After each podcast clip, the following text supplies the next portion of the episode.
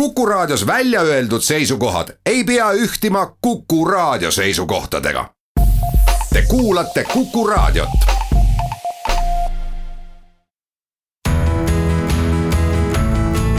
kuku Raadio nädala kommentaar.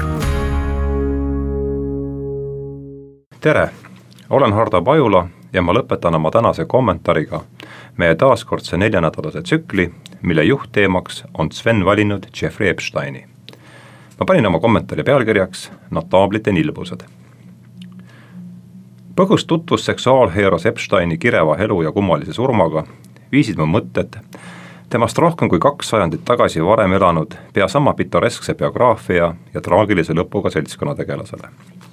Prantsuse kuningannale Marie Antoinette'ile Marie Antoinette sündis seitsme, tuhande seitsmesaja viiekümne viiendal aastal Austria ertshertsoginna ja Ungari kuninganna Maria Theresia kümnenda lapsena.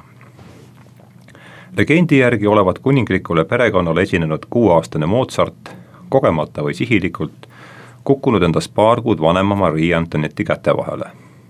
krapsakas komposiitor olevat neiukest suudelnud ja lubanud ta naiseks võtta.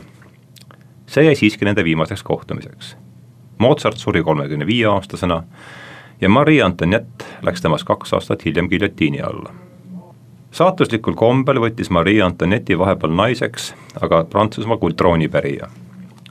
kui Louis kuueteistkümnes tuhande seitsmesaja seitsmekümne viiendal aastal kuningaks krooniti, sai kahekümneaastasest austerlannast Prantsusmaa kuninganna dünastilise režiimi tingimustes asub kuninga keha kõige olulisem piirkond vööst allpool kirjutab Briti ajaloolane Simon Schama oma suurepärases raamatus Kodanikud, Prantsuse revolutsiooni kroonika, mis peaks praegusel ajal olema kohustuslikuks lugemi-, lugemisvaraks meile kõigile. tollase üleüldise arusaama järgi oli kuningal kui rahvuse isal kolm põhilist ülesannet. seista hea selle eest, et ta alamatel oleks leib laual, et ta armee ja laevastik oleks võidukas ning et tal oleks dünastia jätkamiseks varuga troonipärijaid viimases küsimuses olid Louis ja Marie Antoinette mõistagi ühes paadis. Aga paraku seisis see paat kaldal kaugelt liiga kaua. Nende esimene tütar sündis abielu kaheksandal aastal. troonipärija mure murti aga veel kolm aastat hiljem, kui perre sündis poisslaps.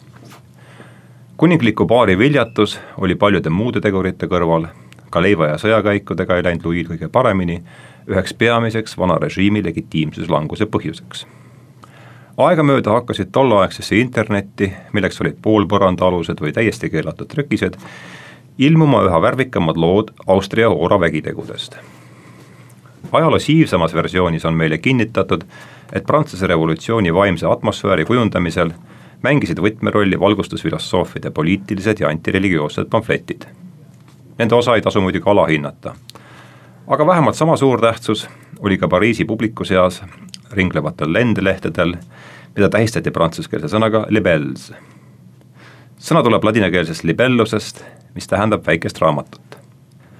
alguses kasutatigi seda kõikvõimalike pamflettide jaoks, hiljem hakkas aga esmajoones tähistama lühikesi ja teotava sisu, sisuga kirjatükke, mis olid sihitud tolleaegse avaliku elu tegelaste vastu revolutsiooni künnisel oli nende kõige sagedasemaks sihtmärgiks Marie Antoinette kuninganna oli loendamatute õelate pornograafiliste paskvillide peategelane. tolleaegsed kombed ja standardid olid pisut teised, nii et reputatsiooni kõigutasid ka praktikad, millega tänapäeval ei pääseks tõenäoliselt isegi kroonika tagumistele lehekülgedele. Marie Antoinette'i süüdistati truuduse murdmises, sealhulgas ka kuninga vennaga, lesbilisuses ja masturbatsioonis. ent sellega oli ots lahti tehtud, edasised süüdistused olid järjest kurjakuulutavamad riigi raha laristamine, vandenõud krooni ja Prantsuse rahva vastu ja isegi troonipärija mõrvamine. kui tuhande seitsmesaja kaheksakümnendatel aastatel üle jõu käivad sõjalised kulutused Prantsusmaa pankroti veerele tõukasid ja leib hakkas otsa lõppema, omandas süüdistus riigi raha kulutamises erilise tähenduse ning Madame Deficit, nagu teda tollal kutsuti, muutus rahva äh, viha piksevardaks Madame Deficiti kurb saatus meenus mulle, kui vaatasin, kuidas kajastab Jeffrey Epsteini juhtumit USA vasakpoolne press.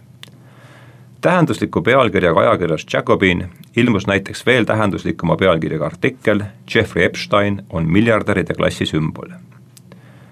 kui nüüd üritada Mar-, Marie Antoinette ja Jeffrey Epsteini juhtumid ühele nimetajale viia, siis võiks ehk öelda, et mõlematest said oma ajastu kõrgaadli embleemid.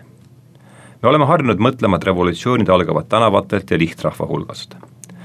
ma isiklikult kipun pigem arvama, et tänavale jõuavad nad alles revolutsioonilise draama teises või kolmandas vaatuses esimeses õiendavad omavahel arveid asetatud mängijad, kes vastupidiselt üldiselt arvatule kogenevad olude kitsenemist esimestena. nii ei saa Prantsuse revolutsiooni avakordiks pidada kindlasti Bastille ründamist, vaid pigem notaablite koja kokkukutsumist tuhande seitsmesaja kaheksakümne seitsmendal aastal.